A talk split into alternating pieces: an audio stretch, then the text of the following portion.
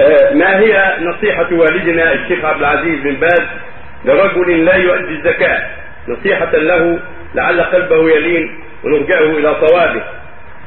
قد سمع فيما مضى قد سمع فيما مضى إن كان حاضرا ما فيه الكفاية لتحريك قلبه لأداء ما فرض الله عليه من الزكاة.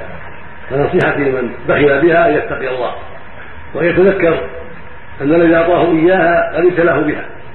الذي أعطاه المال قد ابتلاه فإن شكر النعمة وأدى حقها أفلح وإن بخل بالزكاة ولم يؤدي حق هذه النعمة خسر وخاب وذاق عذاب ذلك وجزاء ذلك في قبره ويوم القيامة.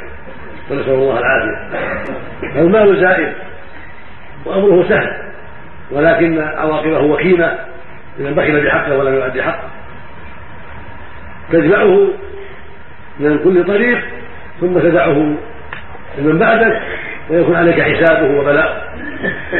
فاتق الله وتذكر أن وقف بين يدي الله وأنه مجازي كل عامل بعمله وأن هذا المال بلية كما قال عز وجل إنما أموالكم وأولادكم فتنة. قال سبحانه ونبلوكم بالشر والخير فتنة؟ فالمال ابتلاء وامتحان. فان شكرت الله وأديت حقه وصرفته في وجوهه أفلحت كل الفلاح وصالمة بحقك. ونعم الصاحب للمؤمن هذا المال يصل فيه رحمة ويؤدي فيه الحقوق التي عليه ويساهم في المشاريع الخيرية وينفع المستضعفين ويواسيهم فهو نعمة في حقه عظيمة.